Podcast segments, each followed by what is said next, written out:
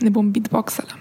Živijo, moje ime je Ana Marija Lukovec in ti poslušaš Kozmo podcast. Iz naslova si verjetno že ugotovila, da je moja današnja gostja Nina Gaspari. Kdo je to? Uh, samostojna podjetnica, PR-ovka, učiteljica joge in skratka zelo aktivna in ustvarjalna ženska, ki jo mogoče poznaš po njenem uh, sproščenem in uravnovešenem življenjskem slogu, ki ga s svojimi sledilkami deli na Instagramu in na svojem blogu. V deseti epizodi našega podcasta sem svoj mikrofon prvič odnesla ven iz kozmo pisarne, ker k njeni domov, ker me je povabila na mačo.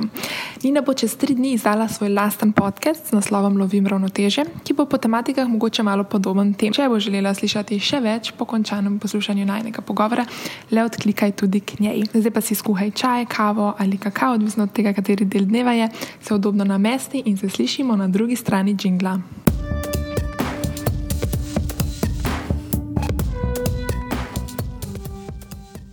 Okay, okay. Uh, prej sem pozabila, ampak vse najboljše. Ja, hvala. hvala, ja, hvala, hvala. Uh, Povejte, ker na za začetek to vprašala, kako sprejemaš staranje? Um, zanimivo, zelo dobro. Nikoli si nisem mislila, da bo tako. Uh, jaz sem si mislila, včeraj sem stara 41 let, uh, jaz se počutim 25, uh, zihar se počutim boljše danes, kot sem se takrat. Pa to so mogoče take malo klišejske stvari. Ampak uh, Jaz se fully veselim rojstnih dnev danes. Naprimer, si včasih nisem nikoli praznovala, nisem se tega veselila. Ko sem bila stara 30 let, uh, sem bila, uh, ravno sem se v London preselila, v gospodarsko krizo sem zakorakala. Imela sem fully pričakovanja, ko bom imela sansko življenje v neki taki veliki prestolnici, ker sem si vedno tam želela mm. biti, ampak pa je prišla na 30 in me tako čist dobili. Jaz se tako nisem sestavila, sigurno, kakšno leto zdaj pa ko mi čakam in mi je tako pol noro. In ne vem, tako mogoče tudi zaradi tega, ker se tako počutam, noben mi noben ne misli, da sem tako stara in enostavno se mi zdi tako pol fascinantno, ko nekomu rečem, koliko sem stara in tako meni zdi. In se mi zdi tako pol dobro. Ne jemljem to kot neko tako, uh, kot nek pečat tega, da. Um, Da sem fulejnih stvari dala življenju skozi in povezujem nekako s tem, no, z neko svojo potjo, na katero sem danes ponosna, včasih sem pa imela občutek, da se še poliščem. Se mi ja. zdi, da je to ta ta stvar, ki verjetno pride tako zelo organsko, nisem jaz nekaj posebno v tem. No? Ja, ja. Ja, jaz opažam, da recimo včasih sem se veselila rojstnih dni, zdaj sem jih v tistem obdobju, ker se mi zdi, da vsako leto je tako, oh, ne, zakaj še eno leto. Mm -hmm. Ampak upam, no, da prideš ven iz tega, tako kot ti praviš. Da. Ne, prideš, sigurno, zato ker se mi zdi, da tam enkrat okrog 35 let se začneš tako malo drugače gledati, tako začneš mm -hmm. malo sebe sprejemati takšnega, kot si. Uh, in jaz v zadnjih letih ugotavljam, da uh, ne samo, da sebe začneš sprejemati, uh, ampak da uh, dejansko vse potrditve, ki si jih mogoče nekoč iskal zunaj uh -huh. in od drugih, najdeš v sebi. To jaz, na primer, vidim za največjo spremembo in mogoče tudi zaradi tega je to največji odtis tukaj, da se ful veselim mhm. rojstnih dni. Ali imaš še en nasvet, ki bi ga dala ženski ali pa sebi, ki si bila stara, recimo tako v srednjih 20-ih, začetek 20-ih to? Wow. Ogromno jih imam. Ampak tako, jaz vedno tako za nazaj, lahko si ful pameten. Ampak eh, jaz bi si ful želela za nazaj, da bi sama sebi zaupala, pa verjela v svoje sposobnosti in v to, kdo sem. Um, veliko prej, kot sem. Uh, jaz sem to začela zelo, zelo pozno odkrivati. Ko bom rekla, da po tej poti hodim zadnje 4 ali 5 let. Uh -huh. um, mogoče sem zelo pozno šla, prišla do tega, zato ker sem veliko stvari, ki so se mi tako dogajale v življenju, s katerimi nisem bila zadovoljna, um, sem jih potiskala na stran. Sem iskala neke trenutke, da sem se zamotila, da nisem o tem razmišljala. Um, in zdaj, ki naprimer, se pogovarjam, uh, pa ki delam s puncami, ženskami, ki so bistveno mlajše od mene, tam tudi po 25 let stare in tako mhm. naprej, vidim, kako že one danes dojemajo stvari, ki sem jih jaz šele pred petimi leti začela. Se pravi, da sem že takrat deset let starejša kot so one danes. Uh mhm. -huh. In se mi zdi ful fascinantno, ne da je to neko tekmovanje, ampak se mi zdi ful fascinantno, kako naprimer mlade. Ženske in punce danes veliko hitreje pridejo do te neke osebne rasti, uh mhm. -huh. pa nekih spoznanj, kot smo jih, naprimer, v moji generaciji. Kako časa pa si bila v Londonu, pa zakaj si se vrnila? V Londonu sem bila, uh, plan je bil, da grem za vedno. Šla sem sicer z enim kočkom uh, v enosmerno karto, ki me je stala 5 evrov. Uh, in uh, jaz sem prišla v London uh, 12. oktober 2008, bila je sobota. In v ponedeljek sem tekla v, tako čez cestico, tam, kjer sem živela, uh, k enemu sosedu, ki je prodal časopise In sem kupila Guardian časopis, ki je vsak ponedeljek objavljal uh, zaposlitvene oglase na marketingu in PR-u, to je moje področje.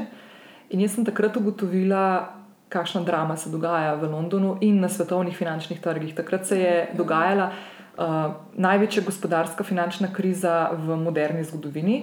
Uh, jaz sem sicer seveda za to slišala in brala in poslušala poročila, še ko sem bila doma, ampak dokler nisem prišla na tako prestolnico kot je London, si nisem tega sploh predstavljala.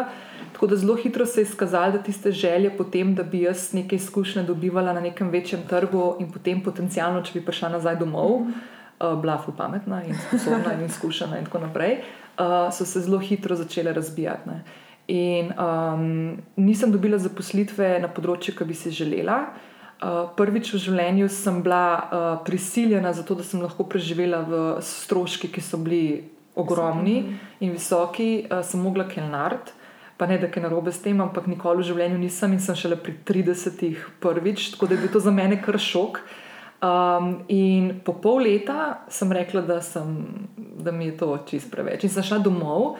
Uh, domov sem šla, prišla sem, mislim, da z 200 evri v žepu domov. Tako da, eh, jaz, ko sem zamenjala denar v Londonu, je bilo to po mojem prvič v zgodovini, da pomnimo, da je bil funt slabši kot evro in da sem za funt dobila manevro. tako, da, ja, tako da je bilo kar, mislim, super izkušnja. Jaz sem tudi letos, ravno pred dvema mesecema, šla prvič po skoraj 11 letih spet v London, ker nisem mogla stopiti v to mesto, ker se mi je tako zamerilo. Yeah. Ja. In sem ga zdaj, ko sem bila tam dober vsak teden, sem ga spoznala spet v čist neki novi luči. Ampak je drugače, ko greš čakati do obiskovalca, pa ko tam delaš. No. Ja. Um, kako pa se ti je bilo tako, si se počutila mogoče kaj osramočeno?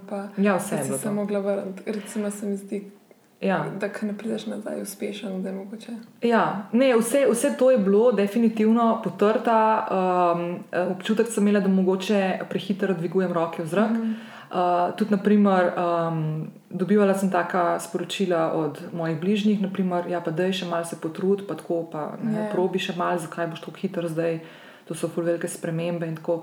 Uh, ampak enostavno, jaz v tistem okolju se ful nisem več. Bila sem ful zgarana, delala sem tako tudi po 16 ur, kakšen yeah. Ja. dan, uh, zato da sem na koncu komi prišla čez mesec. Um, Tistega lifestyla, ki sem ga bila navajena tukaj, Pa ne samo lifestyle, najbolj sem pogrešala eno stvar, ki mi je šla vedno na živce v Sloveniji in to je bila mehkost slovenska. Meni je bilo, mm. meni je bilo to mehkost po, po fizični količini ljudi, ki tukaj živi. Jaz sem blazno bila vedno obremenjena s tem, da, naprimer, jaz sem full rada sama. Jaz grem blazno rada v mesto na kozarc vina uh, s knjigo, ne vem, kakšen poleten večer ali pa na zajtrk. Mm -hmm. In ko se bo to zdaj slišalo, mogoče grozen, jaz včasih hočem biti sama. To je bilo včasih. Jaz ja. hočem biti sama in vedno se je zgodilo, da je nekdo meni prišel in se kaj presedel in tako. In, in mi je bilo to tako malo, ok, aloh, sam tako malo, sem malo mir. Ne? No, jaz sem to najbolj pogrešala v Londonu. Jaz sem pogrešala to, da vidim uh, obraz, ki ga poznam, pogrešala sem to, da bi lahko obrnila dva klica in mogoče se bi mi odprla kakšna vrata, da bi se lahko šla predstaviti in pokazati, kakšne so moje sposobnosti in znanja, da bi lahko mogoče dobila kakšno priložnost. Uh mhm. -huh. Pa še ena zanimiva stvar se je takrat izkazala, ker nikoli prej nisem pomislila na njo. Jaz sem šla v London z zelo, zelo širokim CV-jem, uh -huh. ki je vseboval od tega, da sem bila novinarka, PR-ovka, eh, šefica marketinga in prodaje. To je bila moja takratna karjerna uh -huh. pot. Uh, tam so iskali pa zelo, zelo, zelo specifično osebo na vsakem področju. Zdaj, če, če zelo banaliziram, vedno to tako hočem predstaviti. Naprimer, iskali so šefa marketinga, uh, ki ima petletne izkušnje na čingumih, ki imajo modro vitek. Zdaj malo pretiravam, ampak tako res ful specifične. In, ali pa naprimer. Uh, Mogoče si že upravljati budžete, ki so bili nekaj milijonski. Jaz sem nikoli v življenju nisem imela te prilike v Sloveniji, ker tega je zelo malo podjetij tukaj, je, ki bi ja. se lahko kosali s takimi budžeti, kot naprimer na globalnem trgu, yeah. Ja. kot je Anglija. Ne. Tako da uh, sem se počutila um, res kot čist. Na, kon, na koncu je bilo tako, da ja, sem se blazno veselila, da grem domov. Od takrat naprej cenim Slovenijo in mi je najlepše na svetu biti tukaj in mm -hmm. razmišljam o tem, da bi šla kam drugam, mm -hmm. čeprav nikoli ne reci nikoli. Mm -hmm. Ampak jaz vse stvari, ki sem jih prej mogoče malo zaničvala pri nas, v domačem okolju, jih danes cenim mm in spoštujem in sem fulh hvaležna, da jih imam. Ja, jaz sem jih eno kolumno zadnjič napisala o tem, da uh, sem se celo življenje živela iti v tujino. Mm -hmm. Ne vem, pač zdaj se mi da tako moram. Mm -hmm. In potem sem pa parkrat šla pač na pač potovanje, celo na Erasmus in to, ampak mi se mi zdi, da sem prav mogla iti, da lahko zdaj cenim to tle in da mm. sploh nimam v bistvu potrebe, da grem ven, ker se mi zdi, da je tle neka ta. Um, zdru, Slovenija združuje tako neke male stvari, ki vse skupaj naredijo tako perfekt life. Čeprav ni perfekt, ampak ne, mm. nisi pregaran, ok, nimaš mogoče bajnih plač, ampak.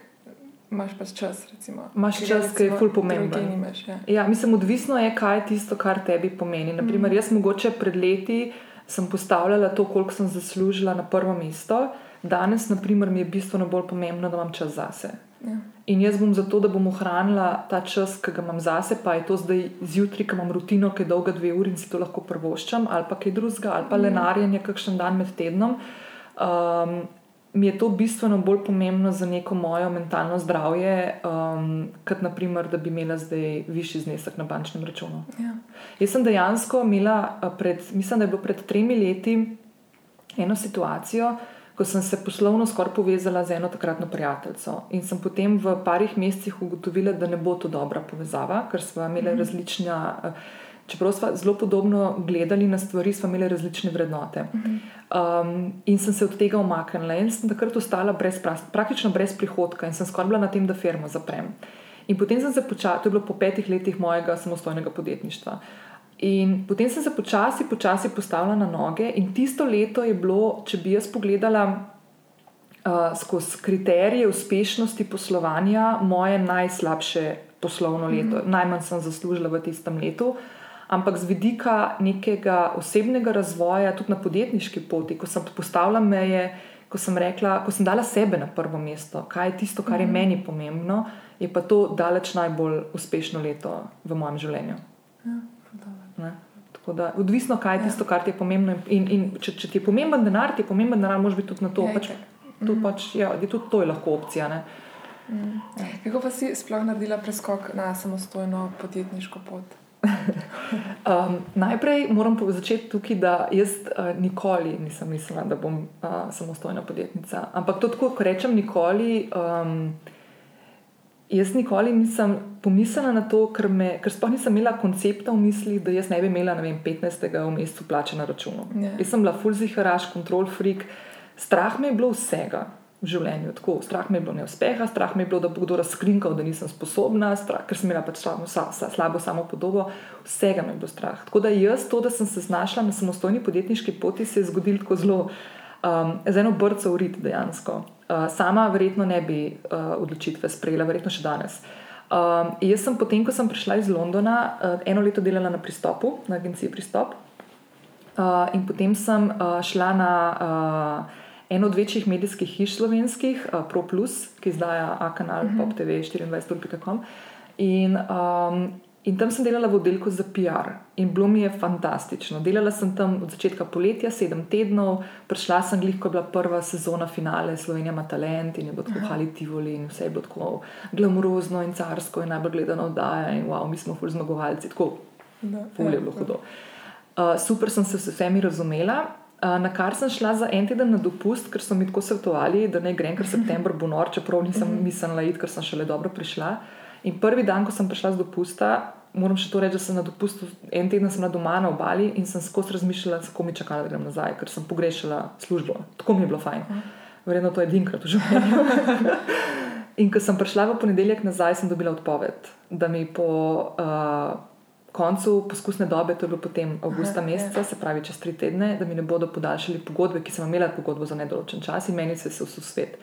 In jaz sem takrat mislila, edina stvar, ki sem jo imela v glavi, je bila ta, da enostavno nimam energije, da bi šla spet na neke razgovore, uh mhm. -huh. ker kakorkoli si zadovoljen, da si dobil novo službo in si bil v njej zadovoljen, je to full stresno obdobje.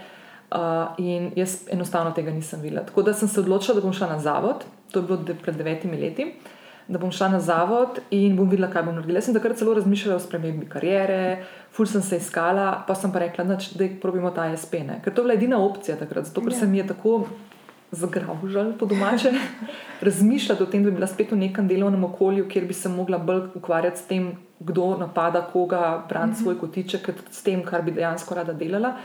Da sem, uh, da sem rekla, da se tega več ne morem imeti. In je bila v bistvu izbira samostojne podjetniške poti takrat dejansko edina. In jaz sem fulh hvaležna danes, da se je to zgodilo, ker drugače verjetno ne bi, mm. ne bi nikoli šla na to. Ampak je strašljivo, ne vem, biti e, bit samostojni podjetnik, podjetnik pomeni, da nikoli ne veš, mogoče, a bo. A boš dobil plačano, boš lahko prišel čez mesec. Mm. Kako je s tem? Pač, kako... To je, to je, ne, to je res. Uh, um, je, je res na tem. Jaz sem se v devetih letih, ene dobrih pet let, lovila točno s tem, uh, konstantno v nekem uh, iskanju dodatnih virov prihodka.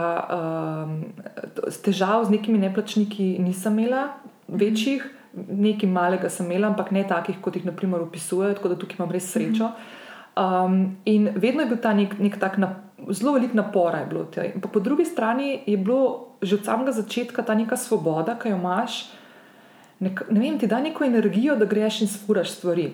In zdaj, v zadnjih treh, štirih letih, um, sem pa spremenila, um, poleg tega, da sem spremenila odnos do sebe, en velik del tega je pomenil tudi, da sem spremenila odnos do denarja. Uh mhm. -huh. Da um, da ne gledam na denar več kot na nekaj, kar moram kupičati, ampak gledam na denar kot na nekaj, kar je tukaj, da se vrti in obrača. Uh mhm. -huh. In verjamem v to, ker se mi je to izkazalo skozi izkušnje in različne um, uh, situacije v življenju. Da, ko nek denar nekam daš, ali ga zdaj zapraviš, ali ga vložiš nekam, ali ga zgubiš, ali ga kupiš loto listek, pa se ne zgodi, karkoli se zgodi, moraš narediti prostor, da pride noter nov. Uh mhm. -huh. Tako mogoče se lahko zgodi zelo poduhovljeno, ampak dejansko to v življenju ful mm. funkcionira. Ko neki tako una pesem Let It Go od Frozen. Dejansko ta pesem ima ful globoko pomen, če tako pogledaš. Da tisto sekundo, ko spustiš te ali strahove, ovire, um, prepričanja, ki jih imaš o določeni stvari, konkretno tukaj v tem primeru denarju, se sprosti fulene energije in, in pride do tebe bistveno več priložnosti. Tako da jaz sem začela zdaj uživati v tem. Tako da jaz tudi, ko imam, naprimer, kakšne težke situacije, ki jih mimo grede še vedno imam. Jaz mhm. nisem zdaj, zdaj pa odkrila celega um, vesolja samostojnega podjetništva, mi je vse jasno, ja, absolutno ja. ne. Mislim, da smo tako do konca življenja nek work in progress. Um, ampak jaz uživam zdaj v tem, namesto da bi bila zafrustrirana. Mm -hmm. Kako pa je, a ti delaš od doma? Ja. Skozi. Ja. Kako se spraviš, da narediš pa stvari? Ja, tako pridejo dnevi, uh, pridejo dnevi, ko imaš pač vsaka, vsaka stvar lahko na potu. Lahko je Netflix, lahko je televizija, lahko je uh, vem, hladilnik ali pa, uh mhm. -huh. ali pa kuhna, ki bi šel kaj yeah. Ja. izkuhati. Ali pa lokal spodaj, ki ga imam ne, pod stanovanjem. Um, jaz sem tako, um, spet ne dajem, ne dajem nekega blaznega pritiska na sebe um, z nekimi stvarmi, ki jih moram narediti, pa kdaj jih moram narediti. Seveda so neki deadlines, še vedno sem človek, ki naprimer ko imam nek datum, do katerega moram neko stvar narediti, um, bo to moja največja motivacija. Um, jaz eno od stvari, ki jih delam um, in se mi zdi blazno, blazno fajn pri produktivnosti, je, da poskušam svoj teden um, narediti na način, da imam naprimer sestanke samo en dan v tednu in ostale štiri dni namenam temu, da delam iz pisarne. Uh mhm. -huh. Potem v začetku leta um, sem si zadala um, uh, cilj, da bom imela vsak petek fraj. In to ni pomenilo, da meni gre tako super, da lahko delam samo 4 dni na teden, ampak je v bistvu bil to pritisk na me, da sem ostale 4 dni bila bistveno bolj produktivna mm -hmm. kot sicer. Jaz bom povedala po pravici, da jaz uh, delam danes kot samostojna podjetnica bistveno manj kot naprimer v najbolj garaških dnevih, ko sem bila še zaposlena.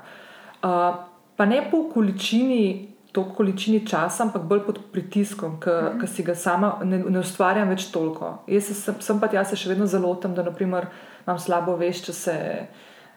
Vem, en ponedeljek zbudim, pa prvo stvar zjutraj, kaj naredim, rečem, da bom začela ob desetih, pa si prežgem Netflix, pa pogledam eno serijo. Naprimer. Pa ja. si mislim tako, oj, oj, slabo vest. Kaj pa če, bom, kaj pa če me kdo čaka s kakšnim mailom, kaj pa če imam uh, kakšen klic na telefonu, ki ga še nisem pogledala. Ampak, lej, jaz si tak, meni, kot sem rekla, meni je čas ful bolj pomemben. In to ne pomeni, da jaz stvari, ki jih sicer potem delam, ne upravim dobro in ne upravim v času, ko sem zmenjena. Ampak enostavno tega pritiska si več ne delam. Uh mhm. -huh. In da se. No? Tako da to je ena, en hek ta produktivnostni. Druga je pa stvar je pa ta, da jaz si poskušam vsak večer, oziroma vsak dan, ko zaključim del, delo, narediti neke cilje, ki jih imam za naslednji dan. Si napišem na listek, ki me počaka v pisarni na mizi, in ta listek nima več kot tri stvari napisane za naslednji dan. Zato, ker ne delam tudi liste, ampak delam cilje, kaj hočem, da opravim do konca naslednji dan. Aha, okay. Ja. Zato, da nisem skozi v tem norenju, mm -hmm. da nekaj delam, ampak da se postavim v to, da je ključni cilj danes, da opravim, naprimer, ne vem, da spišem neko strategijo do konca, ali pa da pripravim nek press release ali pa vsebine za naročnika, mm -hmm. ki jih mhm. čaka kakorkoli. Pač neke take ključne tri, ne več kot tri. Jaz moram določiti te prioritete. In tukaj je ena lepota tega, kar sem naprimer pogrešala, ko sem bila zaposlena, ker vem, da takrat še se spomnim za nazaj, vse je bila prioriteta. Yeah. Ja. Pa si vprašal, ja, ampak kaj je tista prej, ne vse je po točko ena. Yeah. Ja. ne more biti, yeah. Ja. fizično ne more biti. Uh mhm. -huh. In tukaj, naprimer, so te lepote, ko dela na samostojni podjetniški strani poti, ki si jih lahko sam narediš. Jaz sem se mogla tega ful naučiti, jaz sem drugače lahko izredno len človek. Ampak tudi lenoba je potrebna v življenju. Zato, ker če se dovoliš, da, je, da si len, da odklopiš možgane, dobiš včasih kakšno dobro idejo, si vzameš čas za razmislek. Ne iščeš, ampak to pomeni le ne uno, da gledaš Netflix naprimer, ali pa scrollaš po Instagramu, ampak da dejansko greš vem, na sprehod, pa ne vzameš telefona s sabo, ali pa se vležeš na pojstvo, pa vzameš knjigo v roke. Take stvari in da poskušaš. Um, pustiti svojim mislim, da grejo neko pot, ki jim premalkrat zdaj v tej dobi, ko imamo toliko distrakcij, mm -hmm. dovolimo, da odtavajo. Ja, to se strinjam. Tudi če se kakšno stvar spomnim, pa se ne spomnim. Naprimer, ne vem, uh, kdaj sem že delala tisti projekt. In potem najlažje bi bilo, da bi šla na računalnik in podprla mapce na Dropbox in ja. pogledala, kje je leto. Ne, da probujemo razmišljati, probujemo se spomniti. Malo aktiviraš, možno. Ja, malo aktiviram, pa tudi, da, da, da spodbujam neko to premišljanje, brez tega, da bi, imela, da bi tako skočila nekam mm. in si mm. pomagala z neko informacijo, ki jo imam dva klika stran. Mm. Um, kaj, pa, pa, kaj pa delaš trenutno, tako bolj specifično? Kaj, kdo so tvoji naročniki? Uh, ja, jaz sem, moja primarna dejavnost je odnosi z javnostmi, konkretno ja. z mediji. To pomeni, mm. da imam jaz uh, redne naročnike uh, s katerimi um, delam več kot sicer to, da, da umeščam neke vsebine njihove v medije, uh -huh. v mhm. medijski prostor, ampak da se ukvarjamo tako s bolj takim širšim uh, strateškim nastopom. Na različnih kanalih. Se pravi, jaz poskušam vsako zgodbo, ki se jo lotevam, vsakega naročnika, ki jo vzamem, se zelo namensko uh, usmeriti v to, kako graditi neko blagovno znamko. To pomeni, da naprimer, uh, če gremo na Instagram, kako bomo to delali, če gremo na Facebook, kako bomo to delali, če bomo imeli mailing listo, kaj bomo skozi njo sporočali, s kom komuniciramo, kaj nekdo pričakuje od nas. Če imamo neko zgodbo, ki bo zanimiva za kozmopolitan, a imajo bralke kozmopolitana, ne vem, jih bi ta tema zanimala, na kakšen način bi jih zanimala, kako jo zapeljati uh mhm. -huh. noter, da bo zanimiva za bralke ali uh -huh. poslušalke. Uh -huh. um, tako da na tak način vedno poskušam imeti, uh, kaj lahko neka blagovna znamka ali pa zgodba da tistemu ki bi jo lahko na koncu posledično ali kupil ali naročil, mm -hmm. kaj mu lahko doprinese v življenju. In imam to srečo v življenju, da v zadnjih letih um, delam na projektih, ki so taki res za dušo. Ne. Um, nekako me je pot odnesla, um, tudi to mi je tako čisto smešno, ampak nekako me je pot odnesla v nek lifestyle, v neko hrano, kulinariko, um, pijačo. -hmm. Take lušne stvari. Tako da mislim, da zadnjih pet let, naprimer, sem delala uh, na projektih kot je Slovenija Vodka. To je bila vodka, ki je bila narejena v Sloveniji za primarno ameriški trg, uh, kjer sem delala devet let na projektu. Uh, Uh, potem, ja, si spoznala tega Bila Murray? Bila Murray, sem spoznala. ja, nimam čist dobrih izkušenj. okay. ja, pač celebrity. Ampak ja, uh, no, ja. To, je, to je še ena zgodba, ki lahko tudi kaj poveva o tem. Ampak ja. Uh, ampak ja, sem delala, bila sem v Ameriki na, na predstavitvi projekta, uh, smo, tukaj smo delali s Fruktalom, uh, mislim, da pred dvema letoma je Bill Murray prišel v Slovenijo. Mm -hmm. Takrat nisem sicer več delala za njih, ampak smo to še vseeno skupaj naredili. Um, tako da, ja, to je bil en tak projekt um, za dušo in res sem se fulj veliko naučila.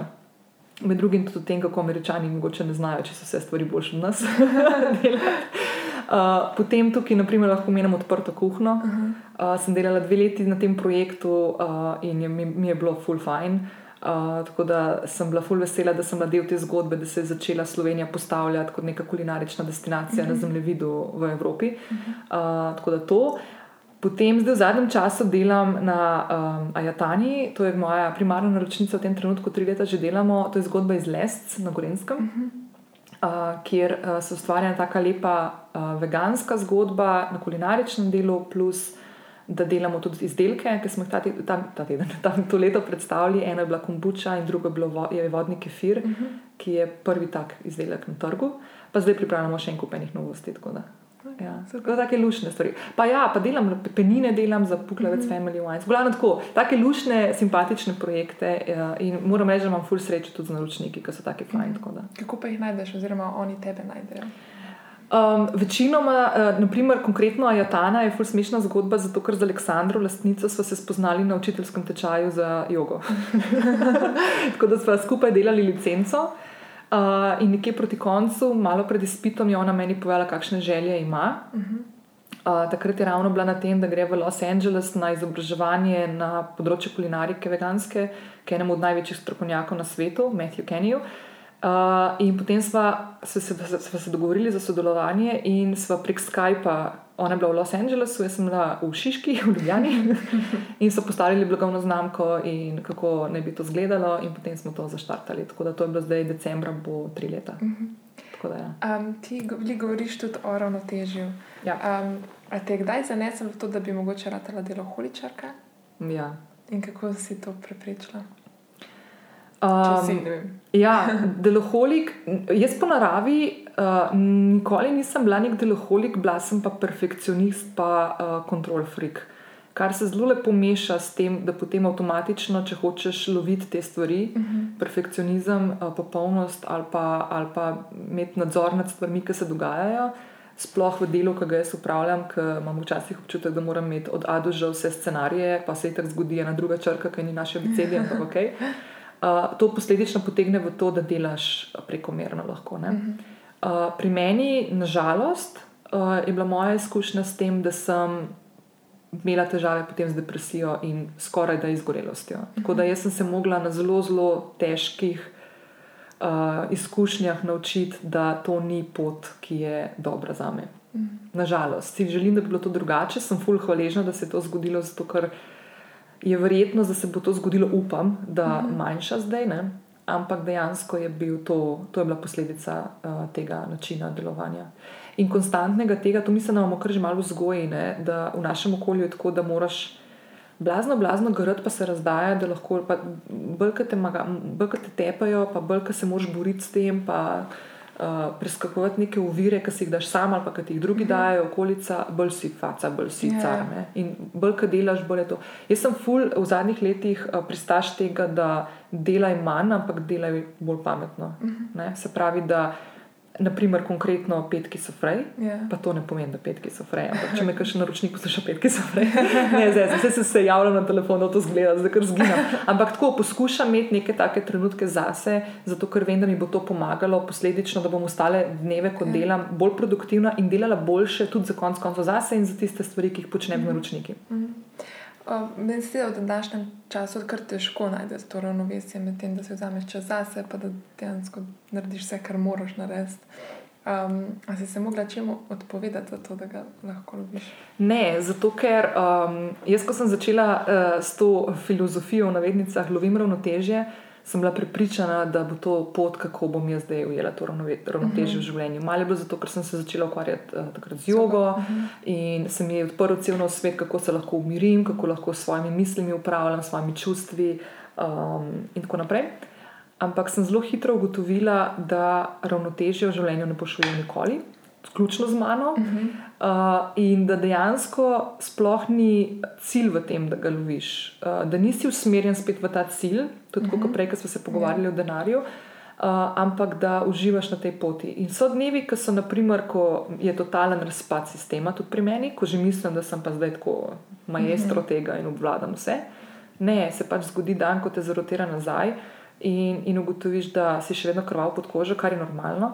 In um, Kar se mi zdi najbolj pomembno spoznanje iz te celotne filozofije lovljenja ravnotežja je, da um, nikoli ne smeš dovoliti, da te neka slaba stvar res vrže iz tira, ali pa dobra stvar, uh mhm. -huh. da te vrže iz tira. Kar ne pomeni, da če se zgodi nekaj super, krasnega in da brez, da se ne veseliš, da ne nazdraviš in da ne greš vem, s prijateljicami ven ali pa si greš kupiti kakšno stvar, zato ker mhm. je to tvoja nagrada ali kako koli ampak da ne zdaj, ker spustiš vse stvari, ki se dogajajo, zato ker zdaj pa to carsko, da zdaj pa je to, Ja. ni treba nič drugega več delati. In isto pomeni, enako, enako je, če se zgodi kaj slabega. To ne pomeni, da si nesposoben, ne pomeni, da si slab, ne pomeni, da ne znaš delati, ne pomeni, da ne vem, si ne zaslužiš lepega življenja, je takega, kot si želiš, uh, ampak moraš te stvari malo manevrirati na način, da, da si dovoliš, da včasih tudi prije še slab trenutek ali pa dober trenutek. In probaš nekje v sredini plut. Uh -huh. Jaz sem imela s tem vedno težave, ker sem že po.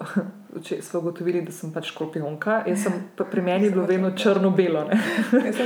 tehnica in jih to Aha, to- a ja, okej. Ravnotežje mi je kar tako nekako um, prirojeno. Ga imaš že v sebi. ja. No, jaz ga nimam, jaz sem kontra. Čist. Pri meni je bilo že tako, da nikoli ni bilo črno, niti belo. ne. To, eh, mislim, ali je bilo samo črno ali pa samo belo. In to je bilo pri vsaki stvari, pri odnosih, pri uh, delu, pri odnosu do sebe, ali bilo dobro ali pa ful slabo. Pač Ja. ni bilo vmes. In zdaj v bistvu ugotavljam, da je ta sivina fulkrasna in teh uh, odtenkov sivine je nešteto. In je to full fajn. In padajo vsi pritiski, ki si jih prej, brkanje sam dajo na, na ramena. Tako da, ja. Um, Drugače se tudi z jogo ukvarjaš. Mhm. Um, tako svoje življenje, recimo sploh zdaj, ko sem v tvojem stanovanju, pa joga, pa PR, so vse tako perfekt, tako insta perfekt. Mislim, tudi tako, se te ne poznam dobro, ampak v živo izpade, da je to, kar govoriš, pa kažeš na Instagramu, precej Mhm. resnično. Um, a je, mislim, a imaš insta perfect life? Ne, mogoče na trenutke tako delujem, ampak jaz se ful trudim, da, da, da to ne, ne dam takih sporočil od sebe. Zato, ker ja, jaz rada živim v lepem okolju, zato mogoče zgleda insta perfect. um, ampak uh, absolutno, um, absolutno zelo rada pokažem, sploh pri kakšnih, naprimer na Instagramu, pri kakšnih storijev, zelo rada pokažem, kakšen je. Kakšno je realno stanje? Naprimer, jaz temu rečem Instagram včasih, naprimer, da zelo redko bom imela kakšen make-up, zato ker ga tudi sicer ne uporabljam zelo veliko, ker delamo od doma, uh, ali pa bom v pižami, ali pa bom povedala, da danes je pa nekaj se zgodilo, kar ni ok. Tako da jaz mislim in tudi dobivam informacije take, da tisto, kako, me, kako vidim, na, kako, kako sem nekomu. Um, kako zgledam na Instagramu, naprimer, ko me nekdo živo sreča, vidi, da je to ista stvar. Ne? Tako da jaz, jaz ne, iskreno povedano si nekako sploh ne predstavljam, da bi zdaj svoj čas in energijo usmerila v to, da bi si gradila neko čist nov avatar Ja. in karakter, zato da bi bila na social omrežjih bolj prikupna, prijetna, kako koli. Uh, pa mislim, da to malo tudi z leti pride. E, Meni se, Ja. zdi- meni se zdi noro, koliko v bistvu vplivajo uh, lahko uh, družabni mediji na neko samo podobo. In razumem, da Ja, ja. lahko povem en ful dober primer. Jaz sem bila prepričana do prejšnjega tedna, da nisem obremenjena z všečki na Instagramu. Aha, Res sem bila prepričana, da nisem. Tako da pač to nič ni pomemben. Pa verjamem, da ni pomemben. Tudi jaz učim to, ko imam delavnico ali pa za naročnike moje, jaz jih to učim, da to res ni pomembno, da so bistveno bolj pomembne druge stvari na Instagramu, ki jih počneš. Ampak tisto sekundo, ko, so, ko sem naredila update in ko so mi ukinili, da ne vidim všečko drugih, povem, da sem na Instagramu bistveno manj časa, kot sem bila prejšnji teden v ponedeljek. Wow. In ker sem naredila to zelo hitro, to spore, jaz meni bo full bad, če bojo ugotovili, da bojo rekli, da to ne funkcionira, bomo nazaj vrnili. Jaz jih Ja. nočem. Tako res mi je full fine. Full se ne obremenjujem to, kar sem se prej, pa sem, imela, pa sem bila prepričana, da se ne. Ja, jaz, sem, jaz, men, jaz drugače nisem veliko na Instagramu, pa sem mislila, da me to sploh ne bo um, dotaknilo. Sam včeraj sem uh, šla pogledat, kaj ena, uh, ker nekdo delil nekaj v zvezi z mano in me sem zanimala, je- koliko ljudi je to lajka. In sem lahko, Mhm. res, res to me zanima. Ja. Ja. Ker drugače, jaz niti ne vem, kako imajo moji pač, posti ponovadi lajkov približno.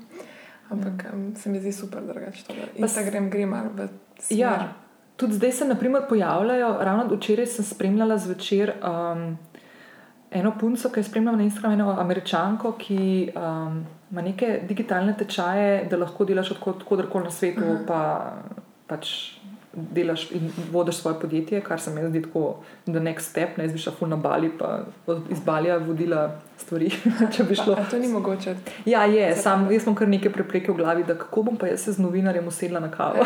Mislim, no, kar nekaj, ja. ampak ja, dalo bi se. Um, in je naredila eno drugo stvar, je rekla, da se je odločila, da od zdaj naprej ne bo več uporabljala filtrov na Instastorijih. Ne, zato, ker je ugotovila, da je fully obremenjena s tem, kako izgleda, kako najde svetlobo. Ta, ta, ta, ta, ta.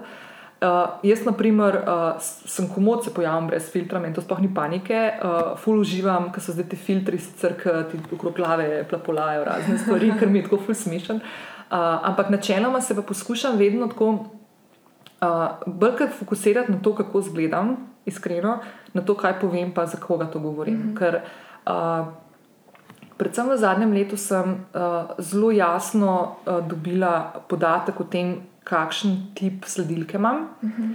Da večinoma gre to za ženske, večinoma gre za ženske, ki um, so stare od 25 do 45 let. Um, in ženske, ki naprimer od mene uh, pričakujejo neke, um, to, kar se zdaj pogovarjava, se pravi, uh, ideje o tem, kako greš na podjetniško pot ali pa kako se sproščati uh, kako loviti ravnotežje v življenju. Pa mimo grede, tak, tako kot ga jaz lovim, ga lahko še mogoče kdo, ampak moraš to sam pri sebi mm -hmm. narediti neko yeah. Ja. pot, ki je tebi sveta in je to in tvoja. Uh, ampak to so naprimer stvari, ki jih poskušam v vsaki objavi, ne zdaj, da vsaka stvar je res z namenom in preštudirana in strateško postavljena. Um, ampak poskušam v vsaki objavi, tudi če je to storika, ki je viden samo 24 ur, dati nek neko vsebino, ki ima neko vrednost za osebo, ki mhm. me spremlja. In se mi zdi, da tudi s temi temami, ki jih odpiram, naprimer, vem, letos, v začetku leta sem odprla tematiko, če se te strah v življenju. Zato, ker sem se jaz v tistem trenutku ful ukvarjala z mojimi strahovi mm. in sem jih šele v letošnjem letu dejansko začela preskakovati. Um, in sem dobila prek 100 sporočil od 100 različnih ljudi. Ne? In sem ugotovila, da, da smo blazno prestrašene punce, ne, ženske, mm. družba. Uh, potem, naprimer, odpiram tematike, kot so HPV, naprimer, zdaj v zadnjem obdobju. Ne. E, jaz sem se s to zgodbo srečala lansko leto in bila, nisem želela iti na, na, na uh, internet gledati o teh stvarih, ampak sem dobila ful malo informacij od svoje zdravnice in tako naprej. In sem se odločila, rabila sem sicer skoraj eno leto, zato ker sem se hotela najprej preseb. Pripraviti in, in, yeah. Ja. in čist predelati to stvar da sem to zapisala. Jaz sem dobila toliko sporočil nazaj na to temo in ugotovila, da se moramo stvar, take stvari pogovarjati. Čeprav sem mogoče jaz nek vir informacij za sproščanje, pa za neko poslovno življenje. Mm. So tudi take bolj lifestyle, zdravstvene teme, s katerimi se, naprimer, jaz konkretno soočam, ker pomislim, ali lahko s to informacijo nekomu, ki pomagam. In več kot očitno se je izkazalo v preteklosti, da so to teme, ki, ki so pomembne, da se jih pogovarjamo tudi prek platform, kot je Instagram, ki mogoče deluje tako bolj za zabavo ali pa yeah. za ja. nek fun time. Ne? Da dejansko so to lahko platforme, kjer se lahko tudi težje teme pogovarjamo. Ti nameravaš lansirati svoj lasten podcast, zelo lahko najaviš, lahko, če že veš, da lahko. V bistvu, uh, evo, tukaj le bom ga najavila, prej kot preseb. Ampak ja, uh, res je, jaz uh, z 9. decembrom letos 2019 štartam s podcastom, uh, ki se bo imenoval Lovim ravnotežje. Uh, in bo namenjen, to moram takoj povedati, ker sem rekel, da moram to tudi, ko bom objavila trailer, moram to izpostaviti, da bom govorila v ženskem spolu. -huh. Zato, ker uh, večinoma se v življenju pogovarjam z ženskami, kar ne pomeni, da moški niso dobrodošli. Uh, ampak upam, da ne bojo imeli težave s tem, da bojo včasih nagovarjani v ženskem jeziku. Jaz mislim, da to je danes tako že. Uh mhm. -huh vsak ja. super je lahko. Ja. Tako da, fajn, tako da ja, uh, pripravljam podcast in se ful veselim uh, še neke take platforme, pri kateri lahko delim mogoče malo bolj poglobljene misli, uh, pa uh, zgodbe o in podjetništvu in nekem. Sproščanju lovljenja ravnotežja tega famoznega, uh -huh. um, in zelo se veselim pogovorov tudi z uh, zanimivimi ljudmi v našem okolju, uh, ki puščajo nek odtis, pa gradijo neke pozitivne zgodbe. Zato, ker se mi zdi, da um, se čist prevečkrat um, spravljamo čez mejo gledati, kaj tam počnejo, in spremljamo neke zgodbe iz tujine, in potem se nam zdi tako nemogoče, da bi to pri nas funkcioniralo. Jaz pa mislim, da je tle pri nas toliko enih stvari, ki bi, ki bi jih lahko nazdravili in pozdravili in spoznali, da uh, si ful želim in ko mi čakam. Uh mhm. -huh. Da potem tudi prek mojega podcasta predstavim te ljudi, mogoče malo v drugačni luči, kot so jih uh, poslušalke in poslušalci videli, kje drugje. Uh mhm. -huh. Kako pogosto bo pa izhaja. Ok, zdaj tako želja. Lotila se bom tako, da bom imela enkrat na teden. Uh, enkrat na teden bom imela, um, začela bom s solo epizodami. Uh, zato, ker se, kot smo zdaj se pogovarjali, je treba te stvari naštudirati in to je cela znanost okrog tega, tako da se jaz tudi zdaj tako učim. In moram reči, da sem včeraj na svoj rojstni dan posnela trailer. uh, in uh, pre, predstavitveni jingle. Ja, in um, mi je to vzelo cel dan, in sem zvečer težko zaspala, in sem se celo noč zbujala, ker imam kar malko. sem kar mal pod stresom glede tega, ampak tako in v dobrem smislu. Tako da se ful veselim. Želim delati enkrat na teden, bom pa verjetno s časom uh, dajala notri tudi ene take krajše, um, neke take quick tipse.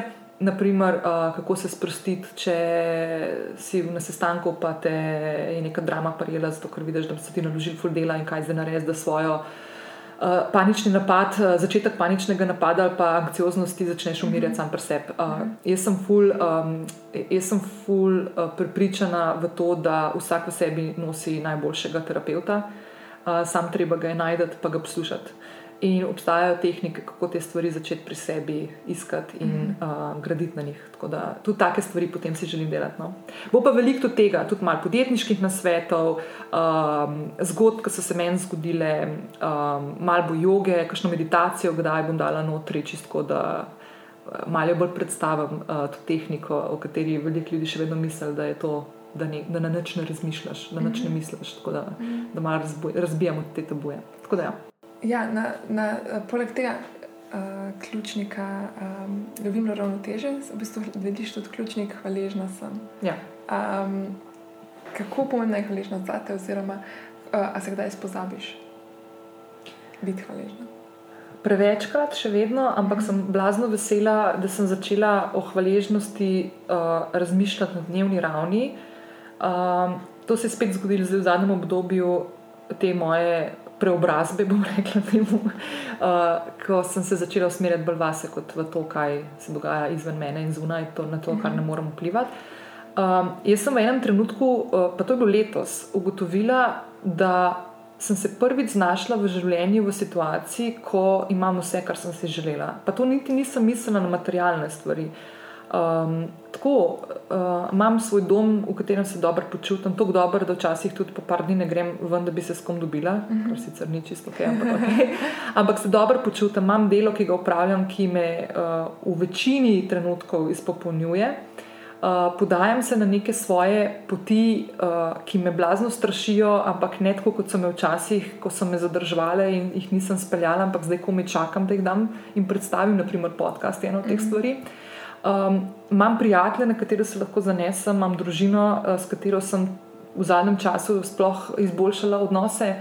Uh, tako da ni nobene stvari, ki, ki, ki dejansko ne bi, bila, ne bi mogla biti hvaležna. Jaz sem bila vedno zelo skeptična, ker sem že leta in leta poslušala o tem, kako je fajn vključevati hvaležnost v svoje dnevne rutine mm -hmm. in tako naprej. Meni se je to zdelo tako dolg čas, lahko kar nekaj.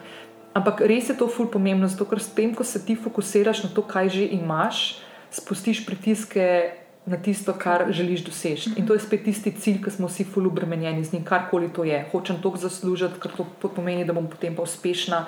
Uh, ali pa si bom končno lahko nekaj provoščila.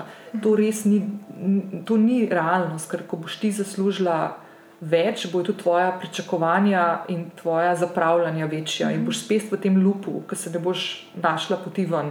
Tako da vse te stvari, ki se jih postavljamo včasih kot neke cilje ali pa napredek, ki ga želimo narediti, da bomo nekaj dosegli, uh, so doskrat zelo napačno postavljena in, in od nas potem praktično zahtevajo, da, da, se, da smo konstantno v nekem lovu in teku za stvarmi, ki jih nimamo, se pa ne zavedamo, kaj že se imamo. Uh mhm. -huh. In je to ful pomembno. Tako da jaz uh, vsako jutro poskušam začeti tako, da v svoj dnevnik napišem uh, vsaj tri stvari, za katere sem hvaležna. In to so lahko tako čist. Uh, banalne stvari. Naprimer, kako krasno je, da zdaj ta gospod zunaj kosi travo, ker zunaj ne držuje. Ker je zdaj že vem, 14 dni držuje. Naprimer, lahko je ja. čisto taka ne, ja. smešna stvar. Pa, vem, lahko imamo odprto okno danes, ker ni tako mrzlo. Ja. Tako da, ja. Um, to me je, uh, ko sem se pripravljala na ta intervju, sem se, ne vem, če te smem vprašati, ampak um, predstavljam si, da verjetno da si deležna tega, da kdo reče, ja, si imaš vse, sam nimaš otrok. Recimo. A je to kdaj za te bila tako težava, kako si se, so, zakaj si to izbrala? Mm -hmm. tako, kaj rečeš, recimo, družbi, ki je mogoče pritiska na ženske, da, da, da je to nekaj, kar morajo imeti v življenju, da so lahko izpolnjene? Ja, jaz. Um... Jaz ne vem, jaz nikoli nisem imela nobenega tazga zelo plana ali pa želje imeti otroka. Uh -huh. Pa to ne pomeni, ko sem res mehna, jaz sem imela blazno mlada starša. Moja starša uh -huh. sta bila stara 20 pa 21 let, ko sta me imela. Uh -huh. Tako da sta še zdaj zelo mladostna in jaz si sploh ne predstavljam, da bi imela zdaj hčerko, ki je stara 21 let. Naprimer, ja, ja. Tako da je to čisto čist noro.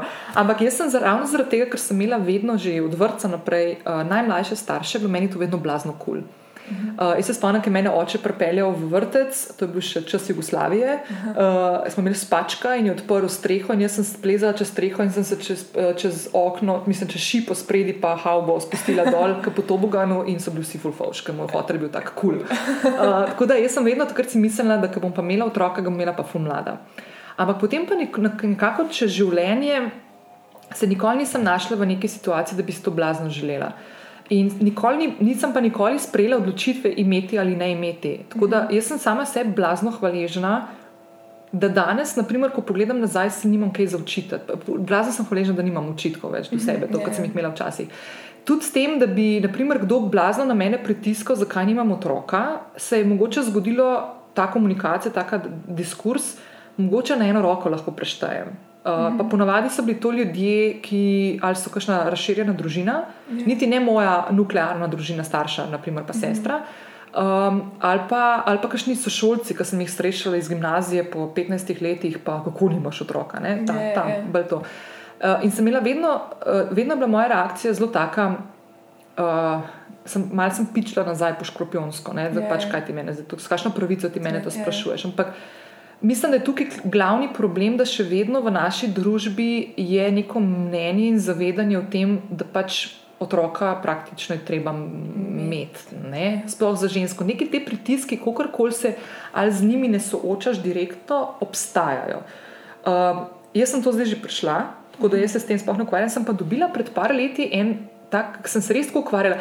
Jaz sem se ukvarjala s tem, da bi imela otroka, uh, sem iskala razlo dva, dva razloga. Sem imela zakaj bi ga imela. In oba sta bila zelo napačna. In uh mhm. -huh. razloga, zakaj ti dejansko ne narediš ti otroka zaradi tega. -huh, ja. En je bil to, kaj pa če si bo učitala, ko bo že prepozen. Ja. To je ena ja. stvar. In druga stvar, še, še malo bolj banalna, ampak mislim, da je to zelo komen, je pa ta, da kdo bo za mene skrbel, kam stara. Ja. Uh, in oba ta razloga sta čist skregana s tem, zakaj bi človek se odločil, pa ženska, da bi se mhm. odločila imeti otroka. Uh, Um, meni je pred par uh, leti, mislim, ne tri leta nazaj, na enem kosilu uh, prijateljica rekla: Lenina, prijateljica, ki ima otroka, mi je rekla: Lenina, če bi si ti želela imeti otroka, bi že imela otroka. Ja. Tako da očitno te življenje peljalo v to smer. In jaz danes, ko gledam nazaj, meni ni žal, mogoče mi bo, ampak trenutno mi ni žal. Uh, imam pa zdaj nečaka, prek katerega ne uh, izpopolnjujem nekih svojih materinskih vlog, ki jih ne morem do svojega otroka, sploh ne, jaz sem njemu teta. Yeah. Ja. In blazno, blazno fino se mava in se igrava, in jaz sem tista, ki mu več dovoli kot naprimer kdo od staršev.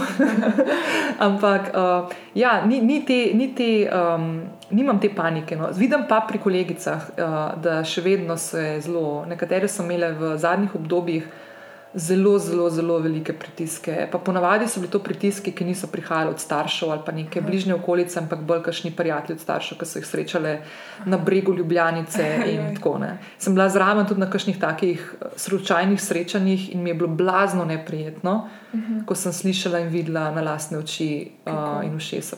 Kaj to pomeni? In to ni ok. Pa ne samo zaradi tega, ker nikoli ne veš, um, zakaj nekdo, zakaj nekdo ja. nima otroka, ampak predvsem zato, ker nima veze. To, to je odločitev vsakega posameznika. To nihče nima pravice se vtikati v neko odločitev mm -hmm. ali ne odločitev, kot je v mojem mm -hmm. primeru, uh, za neko stvar v življenju. Dokler jaz s tem ne posegam v življenje nekoga drugega, tudi ne želim, da kdo posega v moje z nekimi mnenji, za kateri nisem vprašala, da jih želim dobiti. Mm -hmm. Tako da. Čistko. Tako da o tem, komu odgovorim, yeah. uh, sploh ni panike. In, ja. vedno, jaz ugotavljam tudi, tako, da je vedno več žensk v naši družbi, ki so brez otroka in je to čist ok. Ja. Ja. Jaz sem poslušala en, uh, en del podcasta od Oprah. Uh mhm. -huh. Moram reči, da njo, naprimer, ko je bila na televiziji, sem zelo težko gledala, uh, ja. obožujem pa njene podcaste. Uh -huh. uh, in ona je imela otroka pri 14, ki je potem kmalo po porodu umrl, in potem kasneje ni imela nikoli otroka. Uh mhm. -huh. In ona je rekla, da otroka nima, zato ker nikoli ni imela nekega materinskega čuta. Da tudi ko je rodila otroka, ni nikoli imela vezi materinske do tega otroka. Uh, da sicer je bilo hudo, ko je pač umrl, ampak da ni razvila niti v času nosečnosti, bila je stara 14 let, tudi no, se je mogoče tudi to malo potrovalo temu. Ampak je ugotovila tudi kasneje, da ona sicer ima rada otroke, tudi jaz, na primer, danes lahko rečem, da so mi otroci lušni. Uh -huh. Um, se pa ne vidim v vlogi matere. Ne? In, naprimer, Oprah je rekla, da si ne predstavlja, da bi v življenju dosegla stvari, ki jih je dosegla, če bi imela otroka.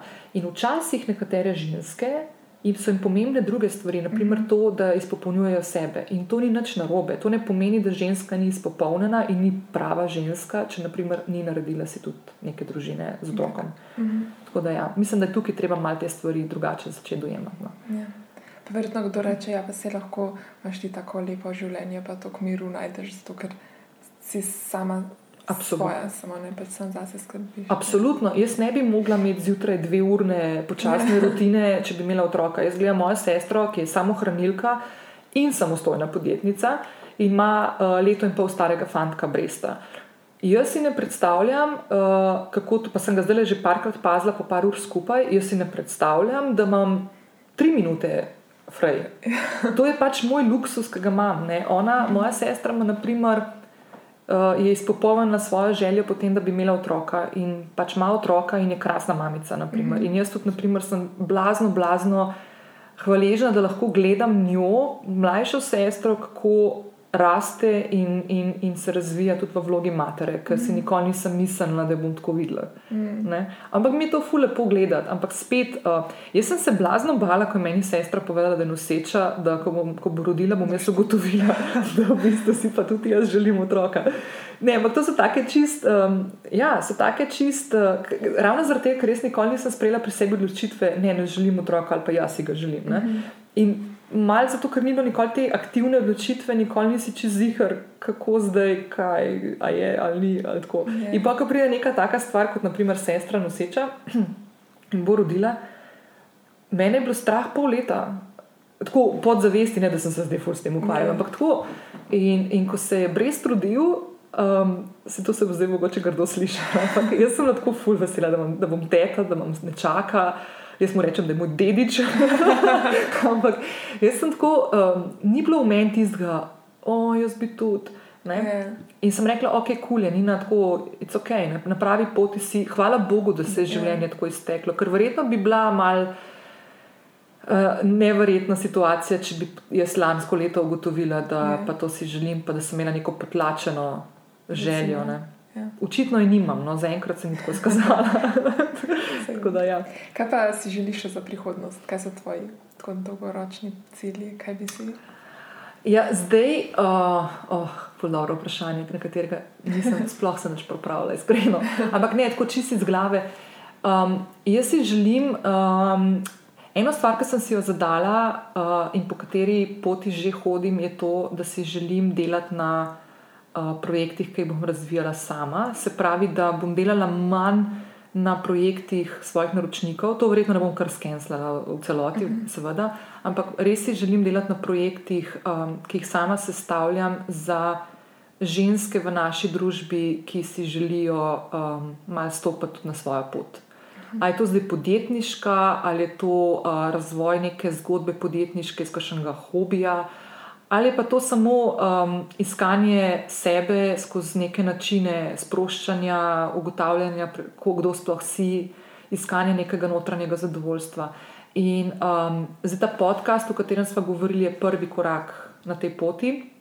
Za naslednje leto pripravljam še en večji projekt, uh, ki naj zaenkrat še večkrat ostane skrivnost, ampak v tej smeri želim razvijati neko svojo zgodbo naprej. Uh, predvsem spet um, z nekim namenom. Uh, jaz sem prepričana in to, to, do tega prepričanja sem prišla v zadnjem letu in pol, da je moje poslanstvo na svetu to, da pomagam drugim ženskam najti neko ravnovesje med tem, kar delajo v življenju, ali so to med svojo službo ali pa podjetniško potjo, in med tem, kar počnejo v svojem zasebnem življenju in kako to usklajevati. Mhm.